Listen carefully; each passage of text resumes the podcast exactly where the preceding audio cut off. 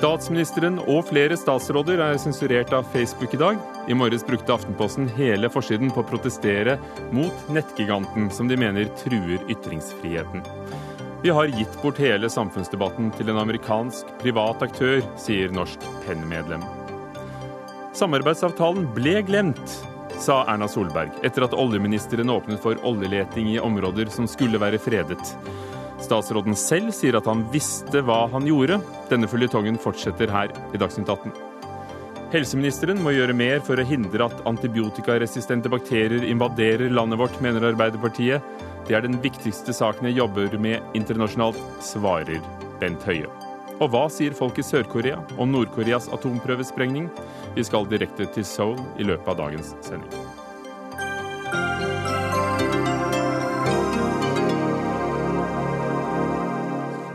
Velkommen til Dagsnytt 18 i NRK2 og NRK P2 med Ugo Fermariello i studio. Som vi har hørt mye om i dag. Aftenposten, Norges største avis, eh, viet hele forsiden og flere sider inne i avisen til å publisere et åpent brev til Facebook-sjef Mark Zuckerberg. Der forklarer Espen Egil Hansen, sjefredaktøren, hvorfor han ikke vil slette det kjente fotografiet av jenta som flykter fra napalmbombene under Vietnamkrigen. Og I løpet av dagen har statsminister Erna Solberg og flere andre politikere etter hvert kastet seg på, delt bildet og blitt sensurert. Espen Egil Hansen, har du fått noe svar fra Mark Zuckerberg? Nei. Tror du at du vil få det? Hadde du spurt meg i dag tidlig, så hadde jeg sagt nei. Eh, nå er jeg litt mer i tvil. Jeg tror kanskje han må på, ba på banen nå. Det er såpass uh, mange internasjonale medier som har tatt opp uh, dette fra CNN og BBC og Sky News og Guardian osv. Uh, at jeg, jeg, tror ikke at han hadde lagt merke til en norsk avis, men nå går jo denne diskusjonen fra India til Italia og til Silicon Valley, og da tror jeg kanskje han må på et eller annet tidspunkt ut og svare ja. Hva håpet du på da dere bestemte dere for å skrive brevet og bruke så mye plass på det? Jeg håpte på akkurat det som eh, jeg skrev, eh, på at han ville komme og begynne å diskutere Facebook sin posisjon og makt. Det er egentlig min eneste agenda. Men trodde du at du skulle få så mye oppmerksomhet også internasjonalt? Eh, nei. Jeg håpte på oppmerksomhet i, i Norge og trodde kanskje at det ville bli noe oppmerksomhet, men ikke på det nivået som det er blitt i dag. Det har vært diskutert over noen uker, men kan du fort, kort minne oss på hva du mener er problemet for dette store nettsamfunnet Facebook, hvor mange er medlem? Det som eh, er min eh, agenda, er jo at eh, Facebook helt fortjent har fått en svært sterk eh, posisjon eh, og er en del av våre liv. De fleste av oss, eh, meg inkludert, bruker Facebook aktivt og er veldig glad i Facebook. Det er effektivt, og de er veldig, veldig flinke. Den eh, baksiden av det eh, er at de også er blitt en svært eh, mektig aktør, må vi kunne si, når det gjelder å styre hvilken, hvem som får hvilken informasjon. Altså De er blitt en transportør av informasjon. De er de beste til å gjøre det akkurat nå. Og de er blitt så store at når de da praktiserer sine globale regler, så blir Eh, hva skal vi si, ytringsrommet, det som er tillatt å si, det som er tillatt å publisere, det blir veldig trangt. Og dette begynte med at uh, kjent forfatter Tom Egeland la ut flere krigsbilder som har betydd mye for historien, hvor det berømte bildet av, av, av, den nakne jenta som flykter på landsbygda i Vietnam, ble sensurert, og så ble også en kritisk tekst sensurert eh, hos en annen. Og, og, og, nå er forfatter eh, Egeland sendt i skammekroken i tre dager utestengt fra det samme nettstedet. Eh, Skjeger, Heger, styremedlem i Norsk Penn, ytringsfrihetsorganisasjonen, og en garvet forlegger og publisist. Er du på Facebook? Jeg er så vidt på Facebook. Jeg forsøkte å forlate det nettopp av disse grunnene for noen år siden. Og da ble det, som du sier, det ble såpass komplisert å ikke kunne kommunisere med mine barn og min familie. Og det var en del evenementer som jeg ikke ble invitert til. Det var altså, som du helt riktig sier, Facebook er blitt så stor at det å stå utenfor i seg er blitt et problem. Og det er klart, når man da skjønner at ok, jeg er nødt til å være her, og jeg er nødt til å tre inn i dette på Facebooks vilkår, og vi har outsourcet en vesentlig del av samfunnsdebatten der, så er det ikke bare det at eh, det er litt vanskelig hvordan de definerer akkurat dette bildet her. Og jeg mener dette bildet det kan diskuteres. Det kan til og med finnes noen argumenter for at det skal holdes unna nettet. Men, men uh, det er det at de har fått en makt over den offentlige samtalen, som er et kjempeproblem. Hvorfor uh, tror du vi har gitt dem den makten? Ja, Vi har jo, som du sier, gitt dem den makten selv. Når du går inn, så får du, som du alltid når du går inn i et uh, sånn digitalt rom, så får du deg forelagt en milelang disclaimer som det ikke finnes noe menneske i hele verden som leser. Du bare haker opp på 'Yes, I read and understood this'. Så har du egentlig gitt dem tilgang til hele fotoalbumet ditt. Du har til og med gitt dem opphavsrett til hele fotoalbumet ditt. Du har gitt dem rett til å styre og sile ikke bare styre, men faktisk sile den offentlige samtalen du deltar i. Men sier du at vi er bevisstløse? Jeg sier at vi er ekstremt bevisstløse. Og jeg sier jo også at Aftenposten ære være dere for det, for det dere har gjort. Men deltar i det bevisstløse, fordi dette er, dette er en kommersiell aktør. De er ikke, dette, er ikke et, dette, er ikke som Skipsted eller som Aftenposten eller som Cappelen Dam bevisste ytringsfrihetsforvaltere. Det er en kommersiell aktør som vil øke sin verdi. Aftenposten har i dag ikke angrepet og svekket Facebooks merkevare. De har styrket den. Jo, debatten har aldri gått så høyt, og folk har aldri klikket seg inn så mye og diskutert så heftig. Slik at Aftenposten spiller ball i hatt med Facebook her. Og det er et problem. Jeg sier ikke at de ikke kan noe annet, men, men det er et problem. Espen Egil Hansen, dere var jo en gang en arena for offentlig debatt på internett med kommentarfeltene, som dere avviklet. Og dermed la de fanget på Facebook. Har du ikke selv et ansvar for uh, å overgi det til noen som sitter i et annet land og styrer etter prinsipper som ikke er dine? Jo, det er i hvert fall et uh, dilemma. Det skal, det skal jeg erkjenne. Uh, igjen, de er flinke, de har gode verktøy, og uh, vi er der alle sammen. Og uh, det er faktisk sånn at mediene må være til stede. Men Hvis du føler dette ansvaret selv og mener ja. at Mark Zuckerberg bør ta det, ja. hvorfor avviklet dere da kommentarfeltene? Dere syns jo tydeligvis det var for vanskelig å moderere det i lille Norge. Hvordan venter du at Zuckerberg skal gjøre det på verdensbasis? Nei, vi er, vi er kjent at de lagde bedre verktøy enn det vi var, men det kan godt være vi skal ta tilbake det nå og utvikle våre egne. Kanskje er vi blitt mer bevisst, kanskje har vi lært noe Eh, av denne, denne saken. Men er, jeg føler det er en litt liten debatt. Den litt større debatten er nettopp det at Facebook ikke er med, og de sitter altså ikke i Dagsnytt 18, og da i overført betydning. Heller ikke globalt. Er det mulig å sette seg ned med Mark Zuckerberg og spørre og diskutere disse retningslinjene? De sitter ikke her. De spurte, de men uh, vi fikk ikke noe svar på den henvendelsen. De har skrevet et ganske generelt svar som jeg skal gjengi for dere uh, til slutt her. Jon Wessel-Aas, eh, advokat, eh, ekspert på nettopp ytringsfrihet og, og, menneskerettigheter. Eh, du kjenner vel ikke Mark Zuckerberg personlig, men tror du Facebook og selskapet, og kanskje til og med ham får, får det med seg det som skjer? Ja, altså Sånn som det har utviklet seg akkurat i dag med denne saken, så skal det vel godt gjøres at de ikke har fått det med seg, når det blir oppslag i de største amerikanske mediene. Forstår du hvorfor Facebook agerer som de gjør. Altså at de, på tross av en høylytt diskusjon i Norge, fortsetter å, å, å trykke på stoppknappen når dette bildet av den nakne jenta kommer.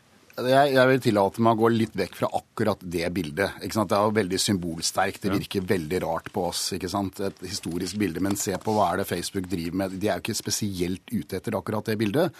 Det er jo bl.a. ute etter å fjerne barnepornografisk materiale som blir lastet opp, som jeg tror alle er enige om at det er greit at de gjør.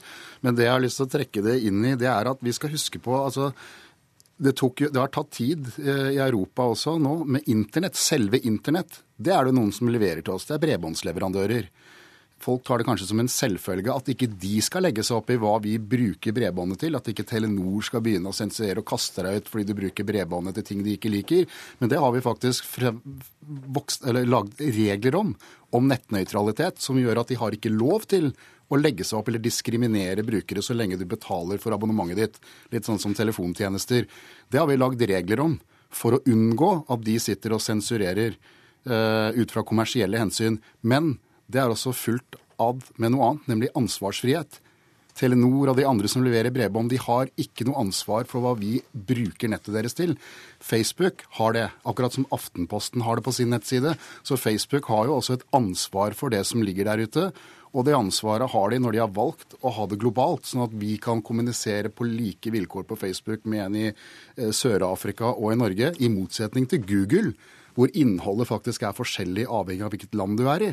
De tilpasser seg det landet de er i. Det gjør ikke Facebook. For, for det ønsker jo du, Espen Egil Hansen. Du, du tar til orde for at eh, de kunne hatt en regional forskjell. For det er forskjell på Karachi og Oslo, skriver du med referanse til striden om karikaturtegningene f.eks. Ja, det er forskjell på kultur og ytringsrom i ulike kulturer og ulike land. Ja, jeg peker den veien som en mulighet. Det er ment som et konstruktivt eh, forslag eh, som, jeg, som, jeg, legger på bordet. Ikke fordi jeg egentlig tror det er den endelige løsningen, men fordi at det er i hvert fall noe vi kan diskutere. Og igjen, hovedpoenget mitt er nå må Facebook og Mark Zuckerberg eh, komme ut, og så må de begynne å delta i diskusjonen om den makten de har, og hvordan, eh, hvordan, de kan gjøre dette bedre. Hvilket land har egentlig juridisk myndighet over Facebook når vi legger ut noe på, på en norsk Facebook-side? Hvem skal du saksøke hvis du blir, mener du er utsatt for injurier? Altså for, å, for å si det sånn, så det, har de helt opplagt ansvar i USA, hvor de er basert. De er også basert i Irland f.eks. Men dette er jo også en større diskusjon. fordi når Aftenposten legger ut noe på internett åpent eh, Heldigvis publiserer de på norsk, så det er ikke så mange som bryr seg. Men de som legger ut ting på internett engelsk, de, Allerede i dag så finnes det medier som blir saksøkt i de merkeligste land, som de ikke hører hjemme i engang, fordi noen som ikke liker det de publiserer, velger et land hvor de sier her er det også tilgjengelig, og her er det lett å få dom mot media, eller veldig dyrt for media å forsvare seg. Det skjer jo allerede i dag med mediene. Det samme landskapet lever også Facebook i, selv om det er vanskeligere å få tak i dem eh, noen steder. Ja, altså, er det et moralsk eller et juridisk spørsmål, som du ser det, Anders Egger? Som... Ja, det er absolutt begge deler. Eh, men først og fremst er det jo et prinsippspørsmål. Fordi der vi har havnet i en Kafka-lignende situasjon her. Når de finnes åpenbart en masse regler som vi ikke blir offentlig diskutert. Og transparens er en helt sentral del av ytringsfriheten. Jeg må vite hva som ikke er lov. Det kom frem i dag f.eks. at et, å legge ut et kart av Kurdia, av Kurdistan det vil bli slettet. Grunnen til det er jo ikke fordi Zuckerberg eller, eller Facebook har noe antikurdisk agenda, men fordi de vil slå gjennom i Tyrkia og vil ikke bli stoppet der. Erik Solheim, teknologirådgiver i NRK. Hvordan foregår denne uh, utvelgelsen fra Facebook? Er det menneske eller maskin som sitter og gjør det? Det er eh, faktisk mennesker som sitter og gjør det i stor grad. Eh, du registrerer det på Facebook og godtar disse retningslinjene som ingen gidder å lese, men tross alt, du godtar det. Og der står det bl.a. at nakenhet tillater det ikke. Og Så påstår du et bilde av en naken jente, og så uh, blir det tatt ned etter en stund. Og så tenker du at det sitter en eller annen datamaskin, dårlig datamaskin eller noen dårlige folk i andre enden der hos Facebook og, og, fjerner dette. Det er ikke helt sånn det foregår. Når dette bildet som det er snakk om her f.eks. blir postet, så blir det liggende. Det forsvinner ikke med en gang. Hadde det vært bare en datamaskin som gjorde det, så ville det antageligvis forsvunnet med en eneste gang. Det som skjer da, er at noen av dine venner, faktisk noen av de som du er venner med på Facebook, flagger det som upassende. Og først da ringer det en bjelle hos Facebook at her er det noe som er flagget som upassende. Og da er det mennesker hos Facebook, eller de har outsourcet den tjenesten til andre, det er i hvert fall mennesker som er ansatt av eh, Facebook, eh, eller leid inn. Og de ser på det, og så ser de på retningslinjene, så ser de at her er det bilde av en naken jente. Det passer ikke med retningslinjene. Så tar de det vekk. Så det er faktisk, her er det flere mennesker. Det er både vennene dine som er med på å flagge det som upassende, og det er Facebook som går inn og ser på det. Men som vi har sett i Norge, at folk får selve det kritiske innlegget mot denne praksisen fjernet. Ja. Uh, og det kan man, Jeg har prøvd å, å, å, se nøyaktig på hva er det egentlig som skjedde her. og sånn som i, i, noen av tilfellene så var det sånn at man posta bilde og en kritikk under. Uh, og så ble bildet fjernet, men kritikken ble liggende. Og så blir man sint og legger bildet opp igjen. Og da er det litt sånn som sikkert foreldre også gjør. og Hvis ikke barna har skjønt greien, så straffer du enda litt hardere. Så da fjerner de hele saken. Og så blir du enda sintere, så legger du opp igjen enda en gang, og da stenger de deg ute. Så de har en slags sånn trinnvis avstraffelse, på en måte. Hvis du, og som er litt sånn ja, men skjønte du ikke hva vi sa? Du har sagt ja til disse retningslinjene, du må følge dem. Du sier eh, Espen Egil Hansen, at du ikke kan finne deg i at Mark Zuckerberg er en slags overredaktør. Men kanskje det er eneste måten å være det for hele verden, med alle de forskjellige følsomhetene som er rundt omkring. At du må innse at Facebook er et sted for uh, bursdagsinvitasjoner og familiebilder.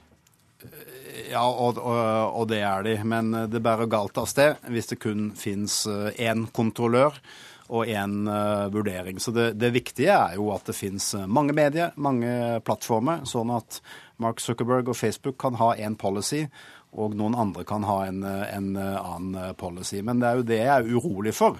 At Facebook er i ferd med å få en så overdominerende posisjon eh, globalt at i praksis så er, det, så er Mark Zuckerberg nå blitt verdens mektigste sjefredaktør. Det som er et tankekors her, da, ikke bare at vi alle alminnelige brukere gjør oss litt avhengig av det, men jeg var med på en analyse og utredning av Kommune-Norges bruk av sosiale medier for halvannet år siden, som vi leverte til et departement. Og da fant vi jo ut bl.a. at norske kommuner, Facebook-siden deres, det er den største portalen deres mot innbyggerne, ikke de vanlige nettsidene til kommunene. Så når kommunen begynner å dra, eller drar seg selv inn der, og du som innbygger for å få med deg hva som skjer i lokaldemokratiet må være på Facebook, eh, da, er, da gjør vi problemet større for oss selv. Ville du tort, Espen Egil Hansen, å gå foran. Eh, altså På kommunene så må du lese om søppelhentingen på Facebook i, noen steder, som Jon Wessel sa. Ville Aftenposten tort å gå foran og, og ikke brukt det så aktivt som dere gjør? Stolt på at dere har andre kanaler? Ja, altså Vi bygger jo våre egne kanaler og har våre egne kanaler. og, og Vårt mål er jo å bygge plattformer for uavhengig journalistikk. Men vi kommer også til å være på Facebook, for der er folk. Vi må være der folk er, og vi er med på diskusjonen. Mark Zuckerberg, vi får se om han svarer deg, sjefen for det hele. De ville ikke stille, men i en annen e-post så har de skrevet at selskapet prøver å finne en balanse mellom å la folk uttrykke seg og ivareta at Facebook forblir trygg og god opplevelse for et globalt publikum. Takk skal dere ha, Espen Egil Hansen, sjefredaktør i Aftenposten. Eh, Anders Heger, medlem av Norske Penn. Jon Wesselås, advokat, og Eirik eh, Solheim, teknologirådgiver i NRK. Dagsnytt 18 alle hverdager kl 18.00 på NRK P2 og NRK2.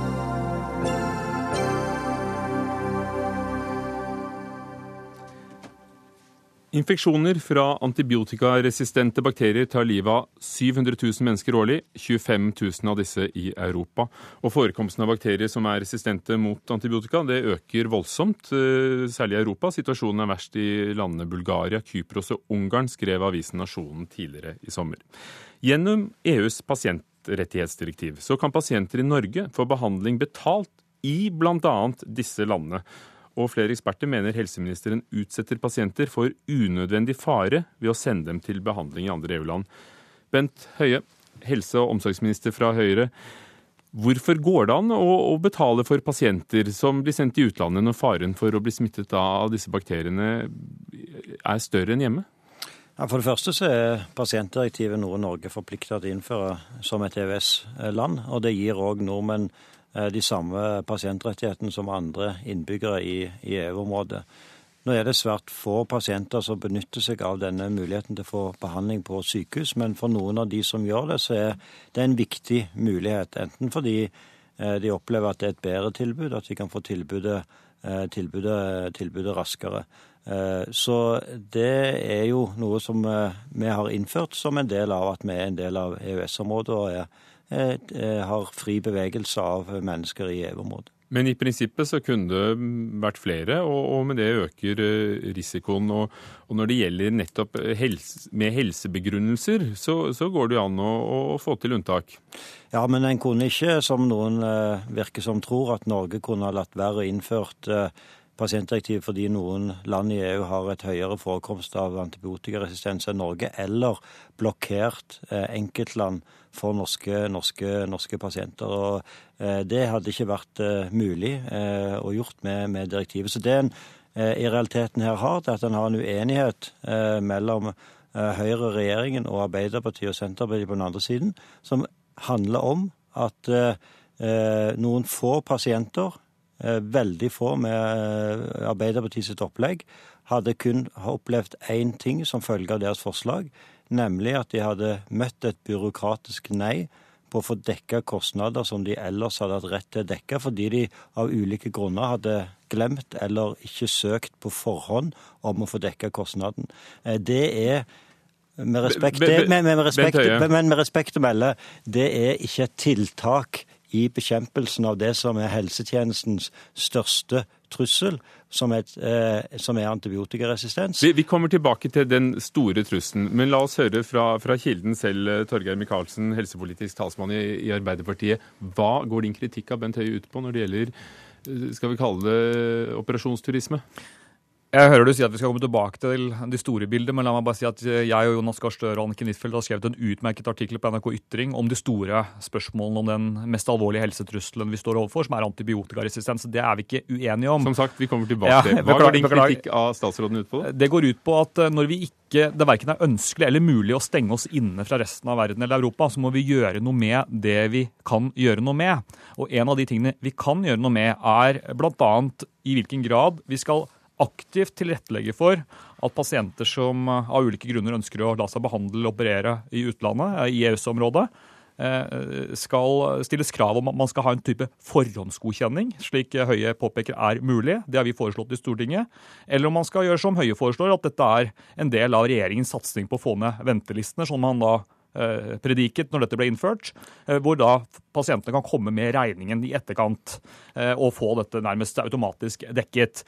Jeg er enig med Høie at per nå er ikke dette det store eh, hva skal vi si, fenomenet. Det er ganske få pasienter. For dere var jo faktisk da pådrivere eh, i den rød-grønne regjeringen for å innføre pasientrettighetsdirektivet. Vi var ikke pådriver for å få det gjennomført. Jeg er jo tilhenger av EØS, men jeg er jo ikke tilhenger av å ukritisk innføre direktiver uten å gjøre en jobb der man rammer dette inn, slik vi har gjort på arbeidsmiljøloven, på arbeidstakeres rettigheter, der vi har allmenngjøring av tariffavtaler. Så er hvilken også ramme mangler? Den mangler at eh, Høie kunne da i morgen, hvis han ville det, med støtte fra oss i Stortinget, eh, innført et krav der pasienter må oppsøke norske myndigheter før de lar seg behandle på østeuropeiske klinikker eller andre typer ting som de i dag har rett til, og så komme med regningen tilbake. Eh, Og Høie har rett i at det er ikke veldig mange pasienter i dag, men regjeringen budsjetterer med at det skal bli langt flere. Og jeg mener at når vi har den største krisen eh, moderne medisin har møtt, så må vi bruke alle verktøy i verktøykassa, og ikke avfeie de, slik jeg opplever at helseministeren i denne saken gjør. Bent Høie, forhåndsgodkjenning, så kunne dere sett på om dette var eh, risikofylte steder eh, pasientene ville reise? Nei, eh, det er ikke riktig. Eh, Vi kunne ikke ha gjennomført direktiv på en sånn måte at vi hadde blokkert eh, landet eller sagt til pasienter at de ikke fikk lov til å reise et sted fordi der er det høyere eh, forekomst av antibiotikaresistens. Det vi kunne ha gjort, eh, det var det som Arbeiderpartiet foreslår. At hvis de var så uheldige at de hadde glemt å søke om å få godkjenning i forkant, eh, så kunne vi ha nekta de å betalt regningen i etterkant. Eh, Det er ikke et tiltak mot antibiotikaresistens, det er et tiltak for å skape vanskeligheter for pasientene. Og Så, så Micaelsen, altså bare la oss, la oss høre, det går altså ikke an, så altså. altså, du er du helse, at- helseminister, Bent, og nå må du slutte med det som er useriøst. fordi at det du kunne oppnådd i tillegg med å komme til kontakt med pasienter på forhånd nettopp med den ordningen, det er jo det du har tenkt å gjøre overfor befolkningen generelt. nemlig ha, som jeg synes er et utmerket forslag, nemlig ha en kampanje med informasjon til pasienter om hva slags farer du kan utsette deg selv for, og andre pasienter i Norge når du kommer tilbake. Disse pasientene kunne da fått dekket, ja, men de kunne også fått beskjed ettertrykkelig fra norske myndigheter om at det er en, en ubetinget risiko forbundet med dette dersom du velger å gjøre dette i enkelte land. Og denne Så vi kunne ikke stanset dem, altså? Du kunne ikke stanset det ute videre, det kunne du ikke gjort. Men jeg mener jo i tillegg at Høie burde undersøkt med sine kollegaer, sammen med andre i eh, Europa, på å fått eh, utviklet og utvidet det handlingsrommet myndighetene har for å sette begrensninger på dette.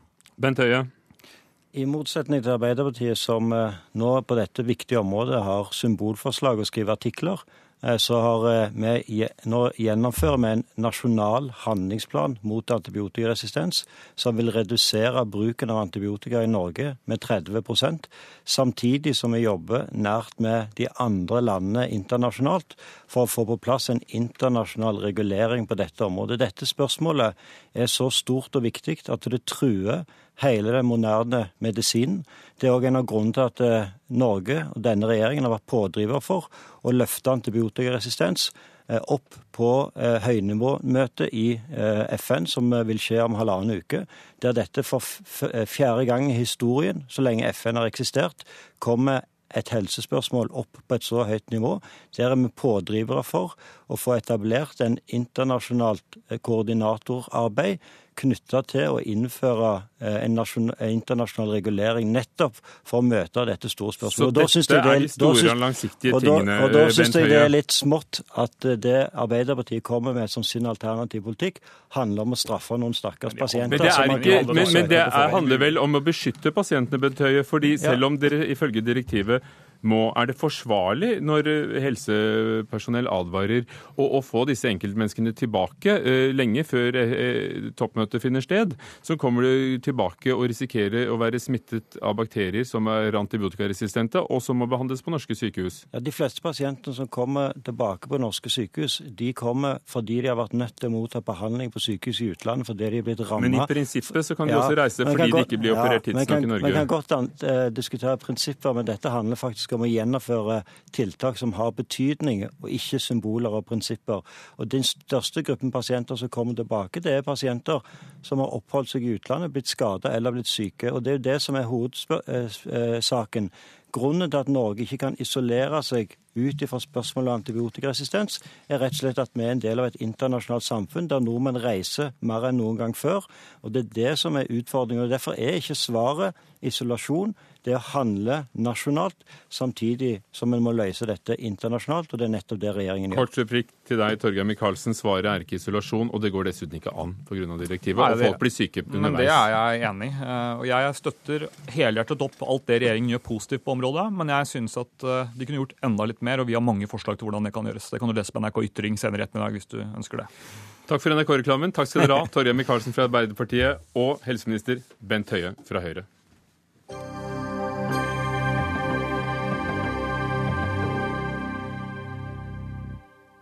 Man har glemt samarbeidsavtalen som vi har forpliktet oss til, sa statsminister Erna Solberg til VG i dag. Denne uken skrev bransjenettstedet Upstream at oljeminister Tord Lien lot oljeselskapene nominere leteblokker i havområder utenfor Lofoten og Møre, Området som er fredet i regjeringens samarbeidsavtale med sine støttepartier. Og etter høylytte protester fra miljøbevegelsen, opposisjonen og Venstre og Kristelig Folkeparti snudde regjeringen, og dermed får ikke oljeselskapene nominere disse blokkene i disse områdene allikevel. Og så har man altså glemt samarbeidsavtalen, sa statsministeren til VG. Olje- og energiminister Tord Lien fra Fremskrittspartiet.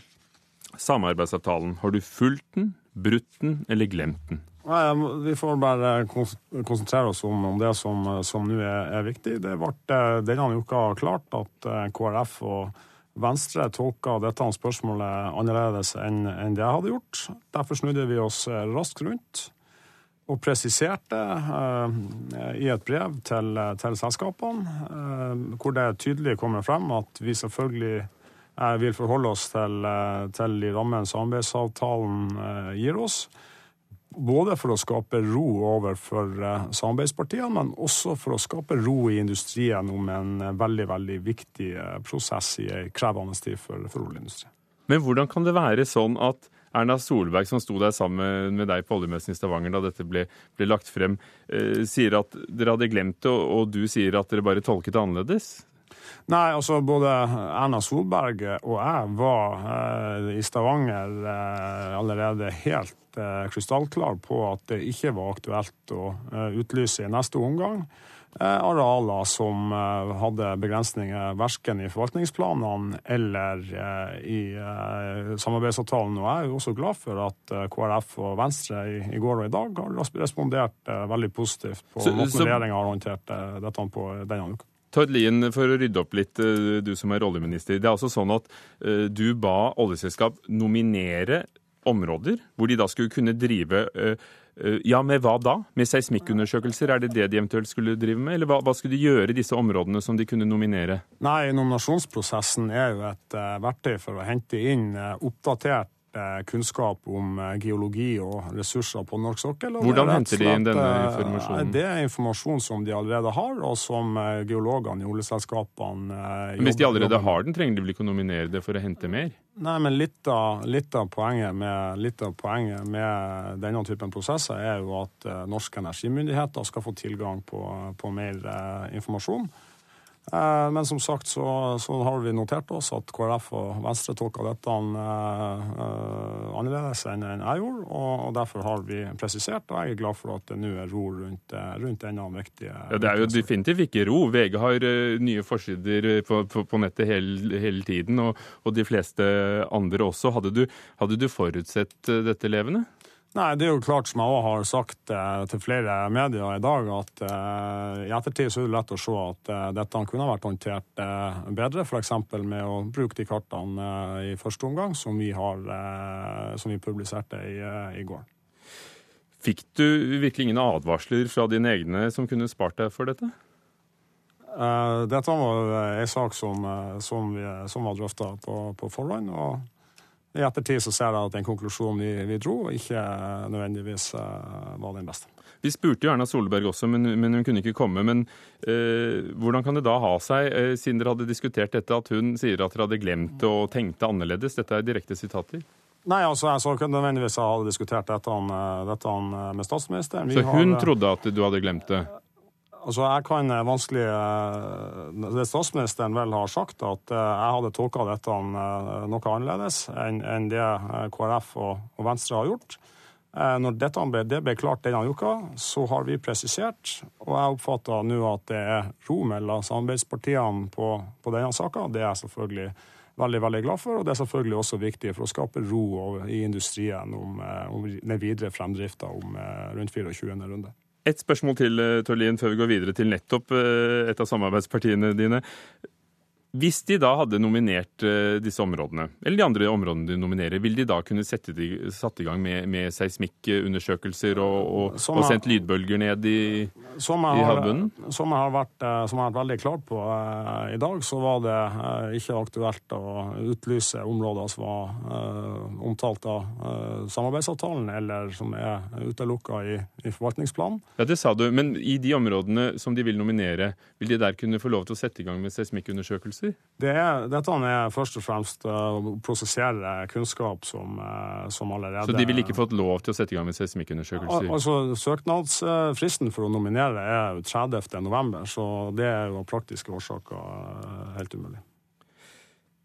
Ola Elvestuen, nestleder i, i, Venstre, et av samarbeidspartiene. Da du skjønte at det som heter Møreblokkene og Nordland 6 sto på denne nominasjonslisten, så reagerte du veldig sterkt og krevde opprydning. Er du fornøyd nå? Ja, nå er saken eh, i orden sånn fra vår side. Eh, Samarbeidsavtalen er soleklar. at Vi skal ikke ha aktivitet verken utenfor Lofoten eller på Mørefeltene. Eh, Og da er det heller ingen ikke noe grunnlag for at du skal hente inn eh, informasjon. Eh, Så det er helt klart at eh, den prosessen som var igangsatt, var ikke i tråd med samarbeidsavtalen. Når de nå har tatt det tilbake igjen, så er det en opprydding som vi mener er, er bra. Men det betyr jo at bak kulissene så var prosessen i gang, og, og, og hvordan ser du på det?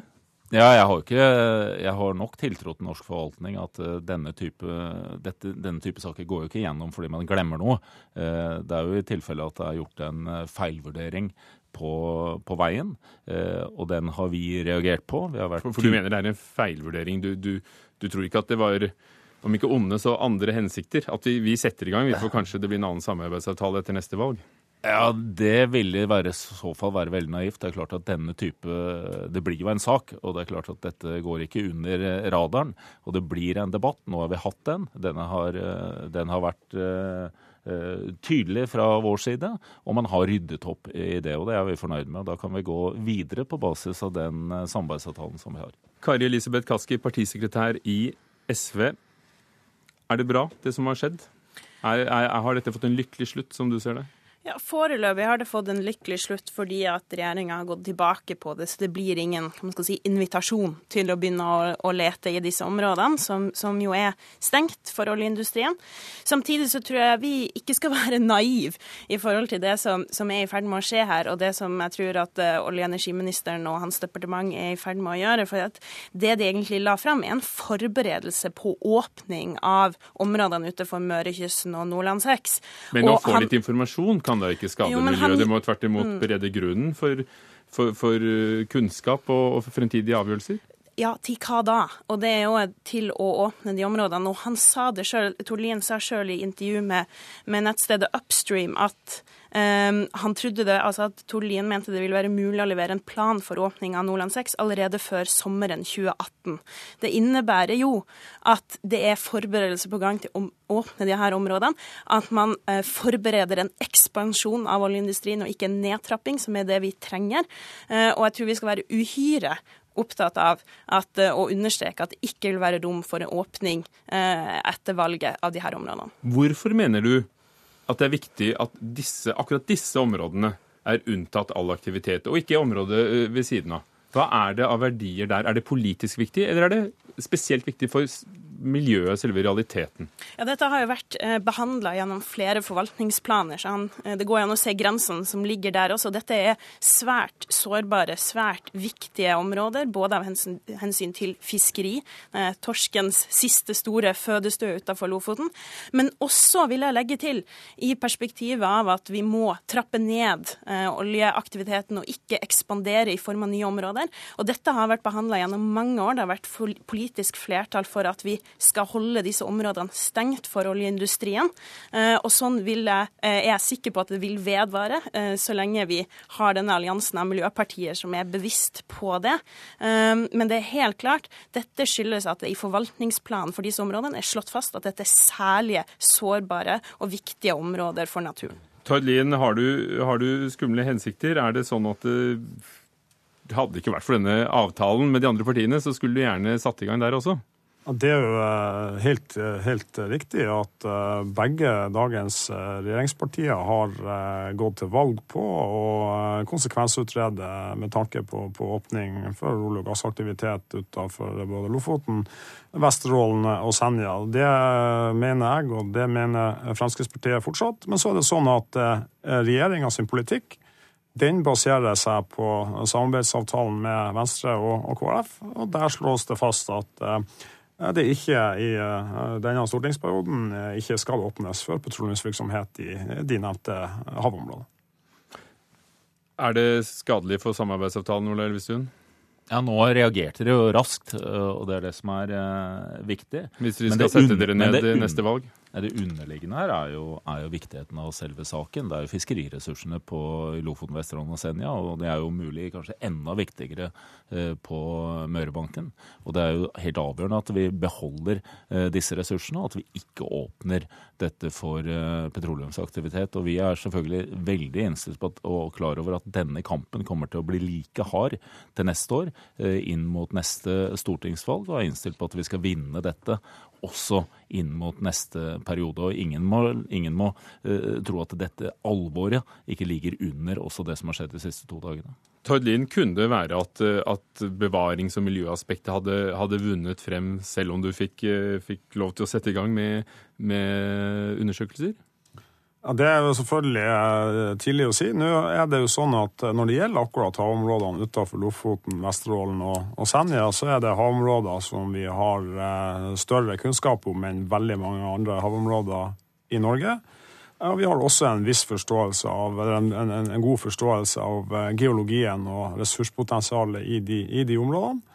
Eh, men konsekvensutredning eh, vil jo gi svar på hvilke rammer som måtte settes, og hvilke arealer som kunne åpnes. Men dette blir jo i denne stortingsperioden eh, litt lite interessant å diskutere. For i denne stortingsperioden så ligger samarbeidsavtalen med, med Venstre og, og, KrF fast. og Dermed så vil det heller ikke bli satt i gang noe, noe konsekvensutredning i, i denne stortingsperioden. Men da blir jo nettopp spørsmålet om det er i ferd med å forberedes å gjøre det. Eh, og la meg være klinkende klar, det skal ikke åpnes for oljeboring i disse områdene. Og det innebærer også et klart nei til konsekvensutredning. Og du bekrefter sjøl, vi har eh, den nødvendige kunnskapen, og da er det heller ikke behov for sånne her nye typer runder. Her er frontene klare. Ja, og i en situasjon hvor du også veit at uh, oljeressurser som vi kjenner til, må bli liggende i bakken, også av klimahensyn, er det virkelig ingen grunn til å gå inn i disse områdene, som er det viktigste både for fiskeri og sårbarhet vi har. Ola Elvestuen fra Venstre, Kari Elisabeth Kaski fra SV, og Tord Lien, oljeminister, du hørte at du har ikke alle med deg. Takk skal dere ha, alle politikere. Jeg venner meg til kommentatorene. Berit Aalborg, politisk redaktør i Vårt Land. Tror du det er uh, veldig bevisst det som har skjedd fra Fremskrittspartiet og, og ministeren? Jeg syns det er veldig interessant å merke seg at Erna Solberg og Tord Lien har litt forskjellige hva skal vi si, versjoner av det som har skjedd. Og jeg tror det er mye som tyder på at dette er, ikke er noe tabbe fra Frp eller fra Tord Lien, og ingen forglemmelse. Jeg, jeg tror er, De var veldig tydelige på landsmøtet på at dette var veien de ville gå og at de vil bruke det, kjøre hardt på det i valgkampen. Eh, og nå har de vist primærstandpunktet sitt. og det har de, det har vist seg tidligere at de har tjent mye på å vise primærstandpunktene sine i forbindelse med, i forbindelse med sine velgere. Lars Nehru Sand, kommentator her i NRK. Er statsrådens forklaring troverdig? Dette er først og fremst oppsiktsvekkende klønete av statsråden. uansett om, eh, altså Hvis dette var en plan, så burde den jo vært spilt ut på en måte som ikke setter statsministeren i, i forlegenhet, og, og, noe bedre koordinert.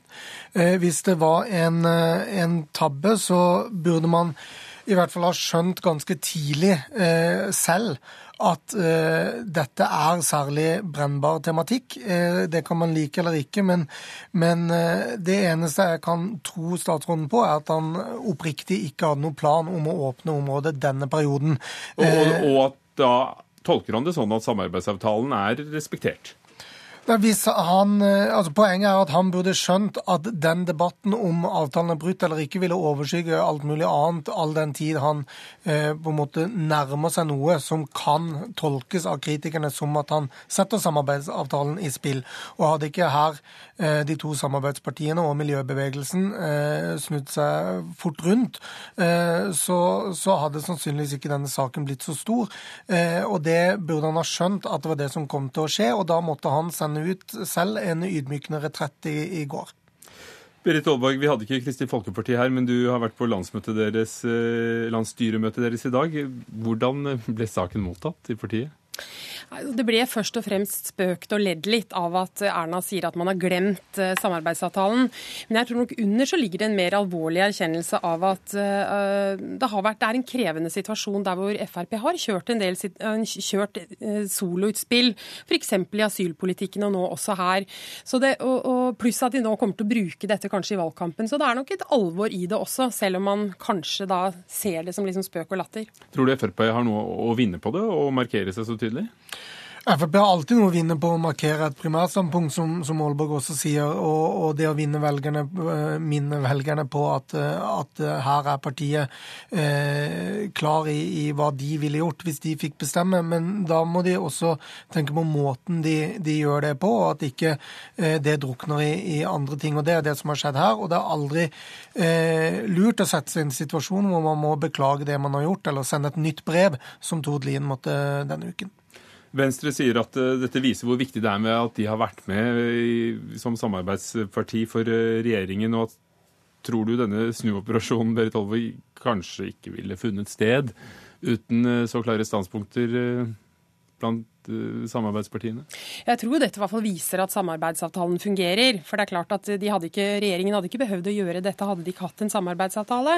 Og så kan man spørre seg om det er andre områder som er da utafor samarbeidsavtalen som det blir vel så krevende. Men her har den altså funka, som eh, Ola Elvestuen sier. De har måttet ta en retrett, og det er rett og slett fordi de har denne avtalen. Og Lofoten-Vesterålen er jo faktisk en av de punktene som, som eh, KrF og Venstre faktisk har greid å holde på, eller liksom har, har fått en seier i, i denne perioden. Man lykkes i hvert fall i å blokkere et stortingsflertall, som det tross alt er, for å, å konsekvensutrede områdene. Og for politisk interesserte er det jo litt av en føljetong? Det kan man si. Takk skal dere ha. Lars Nehru Sand, kommentator i NRK, og Berit Aalborg, politisk redaktør i Vårt Land. Hør Dagsnytt 18 når du vil. Radio NRK Radio.nrk.no.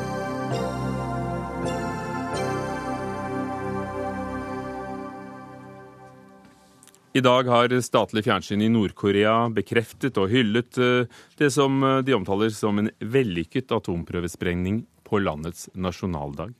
Flere land fordømmer prøvesprengningen på det sterkeste. Atomprøvesprengningen vil trolig føre til at Kim Jong-uns regime eh, bare vil oppnå flere sanksjoner og mer isolasjon. Og Peter Svaar, NRKs Asia-korrespondent, du er kommet deg til Seoul, Sør-Koreas hovedstad. Hvordan er reaksjonene hos naboen Du, jeg står nå ca. seks mil i luftlinje, rundt 40 minutters kjøring fra den nordkoreanske grensen. Og her har denne nyheten i dag i stor grad blitt møtt med et eh, skuldertrekk. Eh, befolkningen her i Seoul og i Sør-Korea er vant til en strøm av dårlige nyheter eh, fra nord. Og mange, det, mange blokker det rett og slett litt ut. De velger ikke å forholde seg til det. De tenker at det er uansett ingenting de kan gjøre noe med. Og mange ser også på dette som aggresjon rettet mot USA og ikke mot Sør-Korea. De sier at vi er jo ett Korea, de er våre brødre. Det er ikke oss de er sinte på, det er amerikanerne.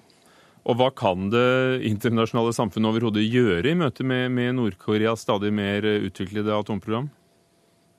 Det som er dilemmaet nå, er at eh, de internasjonale sanksjonene Det har vært fem runder nå med FN-sanksjoner mot eh, Nord-Korea. Den seneste i mars i år. Eh, og Sanksjonsregimet er nå blant de strengeste noe land noensinne har blitt utsatt for fra FN. Det betyr at alle de som i dag fordømmer denne prøvesprengningen fra USA, Nato, Vesten, de har rett og slett ikke flere verktøy igjen. fordi ingen, de har ingen handel med Nord-Korea som det er. Det er ingen ting mer de kan sanksjonere. Det eneste landet som nå har pressmidler overfor regimet i nord, det er Kina. Kina er nøkkelen nå i denne situasjonen.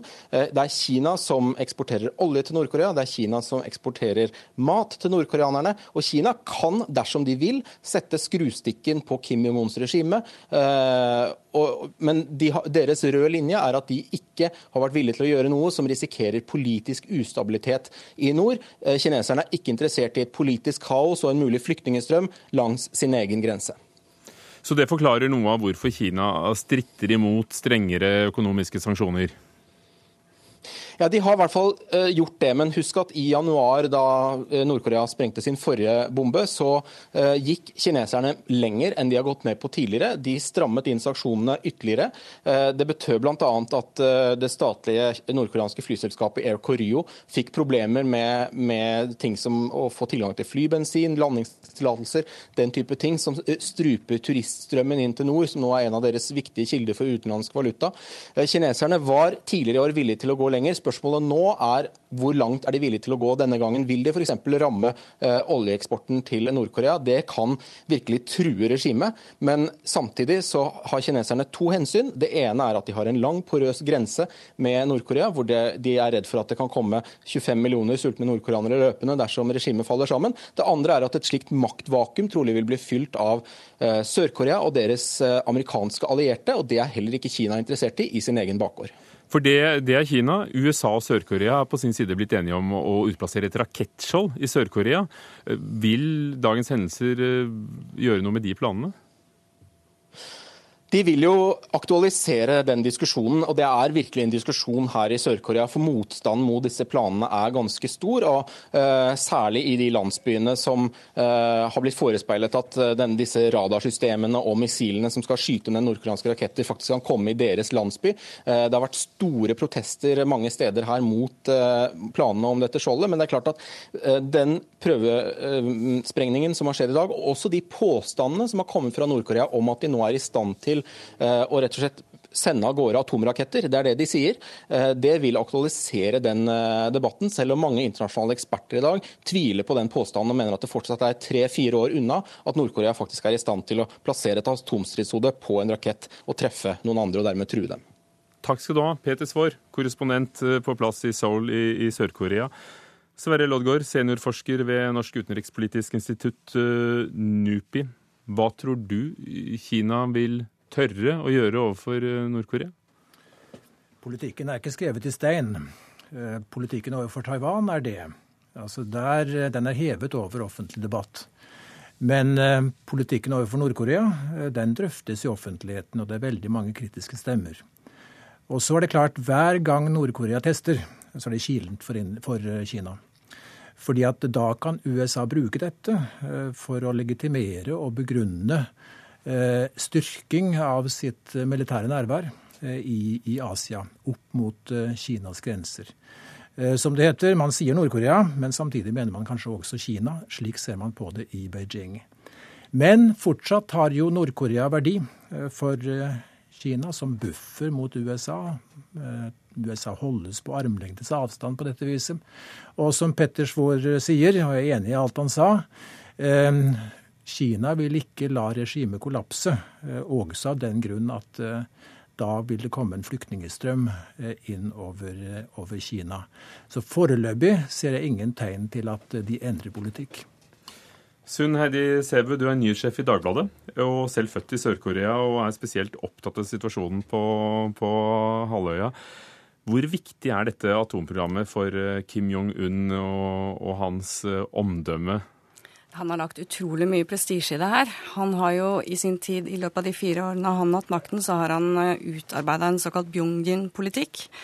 Og i den så er det to ting som er sentralt. Det Hva betyr det? Det er, det, det er, noe med å holde det parallelt. Og de to ambisjonene som holdes parallelt, er da ønsket om å skape økonomisk vekst, fordi det må han. Og så er det da å utvikle atomvåpen. Og dette er jo da den andre atomprøvesprengningen i år, altså på ni måneder. Og det sier jo litt om at her går det et eh, raskt tempo. Og det tror jeg overrasker eh, både amerikanerne og sørkoreanerne. Eh, liksom viljen til å framskynde dette atomprogrammet. Du har skrevet en thriller, du. 'Kims lek'. Eh, nettopp med utgangspunkt i, i hvordan regimet i Nord-Korea opererer. Hvordan utnytter de dagens hendelse og det de har satt i gang? De bruker denne selvfølgelig til å vise at de er den store stormakten som de ønsker å være, ikke sant? og få kommunisert det budskapet. Og når det da gjelder sanksjoner, så er det litt interessant at um, de kommenterte ganske nylig at uh, disse sanksjonene er som en gave til regimet.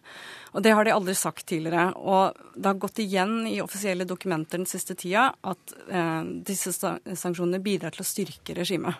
Så de er ganske offensive nå, altså. Sverre Loddgaard, hvilke alternativer finnes for det internasjonale samfunnet? Vi hører at det er bare Kina som eventuelt stramme, har noe å stramme inn på, eller er det andre ting?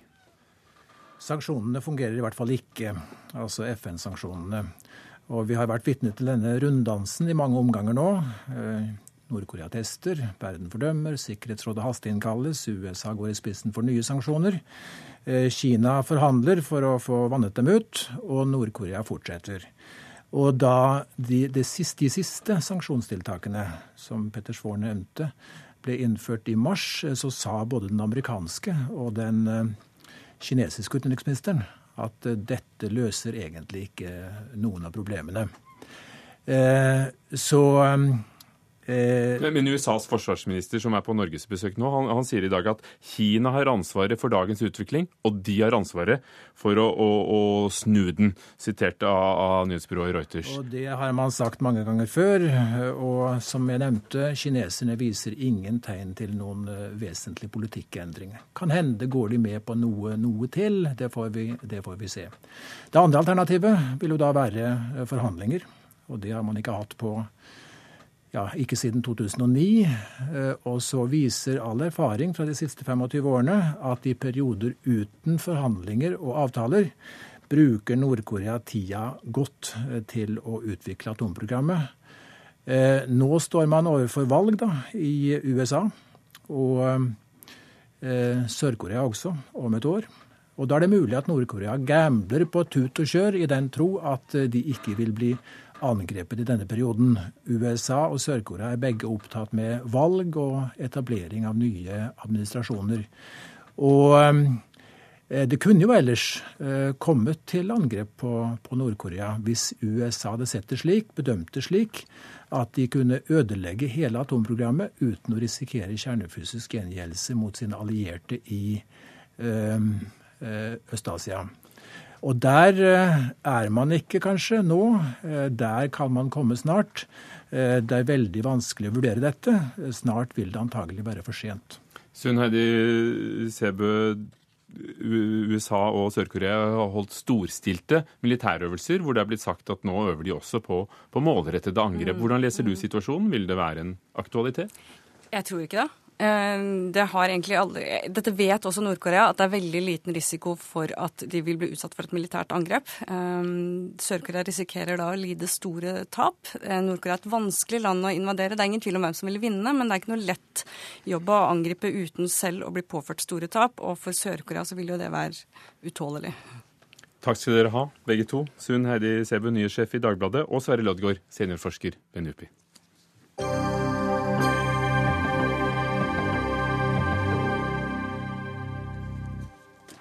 I dag har eh, Norges Røde Kors fått ny generalsekretær. Etter noen år i Unicef Norge er han tilbake der han en gang var. Bernt Apeland, gratulerer med ny jobb. Tusen hjertelig takk. Vi skal ikke slippe taket når det gjelder Nord-Korea, fordi eh, det er et land du har besøkt flere ganger. Det er det. Atomprogrammet til regimet, hva går det på bekostning av, blant annet? Ja, det går jo på bekostning av eh, befolkningen i eh, Nord-Korea. Eh, det er et land jeg har, og et, en befolkning jeg har et veldig nært forhold til. Det er 24 millioner mennesker som sakte, men sikkert marsjerer egentlig mot sin egen undergang. Og det gjør det jo bl.a. pga. atompolitikken til myndighetene. Så i et land som er styrt på den måten det er, hva kan en organisasjon som Røde Kors gjøre? Ja, for det vi hørte her i sted, er jo at politikken har ikke svar. Eh, Men det er samtidig, vi snakker samtidig om 24 millioner mennesker. Og da er svaret humanitært. Da må man komme inn med en uh, uavhengig, nøytral organisasjon som kan bidra med mat, uh, vann, helsehjelp, sanitære forhold. Får dere lov til det? Når dere frem? det gjør vi. Jeg har både vært og besøkt Nord-Korea som Røde Kors-medarbeider og som Unicef-medarbeider. Og det er eh, vanskelig å jobbe i, i Nord-Korea, men man kommer fram fordi myndighetene er faktisk helt avhengig av at Røde Kors og FN stiller opp med matvarehjelp, helsehjelp og eh, rent vann. Hva er ditt syn på de internasjonale sanksjonene? Gjør de det bedre eller verre for eh, nordkoreanere? Det er, får være opp til politiske myndigheter å, å bestemme hvilke sanksjoner som skal være. Men konsekvensene av det er jo Og jeg kan fortelle en historie som på en måte gir et bilde av det. fordi det er en del ting som er eh, forbudt å eh, eksportere til Nord-Korea, som gjør at man bl.a. ikke kan lage vanningsanlegg. Så når de skal da vanne maisen på åkeren, så er det altså manngard med bøtter til elva og hente vann opp på jordet. Du kan si at Klokskapen i den type sanksjoner eh, kan det nok være grunn til å, å, diskutere. og Jeg er bare veldig opptatt av å løfte opp at de menneskene som bor i Nord-Korea, og de barna som blir født i Nord-Korea, de har ikke valgt dette systemet. og Vi må stille opp for dem, eh, også når eh, det strammer seg til, sånn som i forbindelse med dagens prøvesprengning. Du skal nå lede Norges Røde Kors som generalsekretær. Det er en ganske spesiell organisasjon. fordi På den ene siden så har dere humanitær bistand, som det du nevner fra Nord-Korea. Dere hjelper folk i fjellet i Norge. Og dere skal internasjonalt overholde at Genévekonvensjonene eh, gjelder i krig, at folk fører krig etter disse konvensjonene. Går det an i de situasjonene å holde seg nøytrale, som dere skal være? Ja, det gjør det. Eh, Jeg har bare lyst til å starte med at DNA-et i Røde Kors, eh, det som gjør at Røde Kors er en så stor og viktig, jeg vil si faktisk verdens viktigste humanitære organisasjon, det handler om det lokale, frivillige engasjementet. Og så handler det om verdigrunnlaget, og det handler om at vi bryr oss ikke om hvem du er, vi bryr oss om hvilke behov du har. Og da handler det om den eh, å skape respekt for praktisk solidaritet. Og vise Men når dere ser nød og urett som forårsakes av krig, hvordan går det an å være nøytrale når dere skal da gå inn i alle områder? Dere skal eh, passe på at krigsfangene blir behandlet ordentlig, og dere skal være helt nøytrale. Det, men altså det å være nøytral betyr jo ikke at man har berøringsangst. Det betyr jo at vi snakker med alle. Vi snakker med myndighetene. Ta, la oss ta Syria da som et eksempel. Da snakker vi med myndighetene i Syria, da, dagens regjering i Syria. Vi snakker med opprørsgruppene.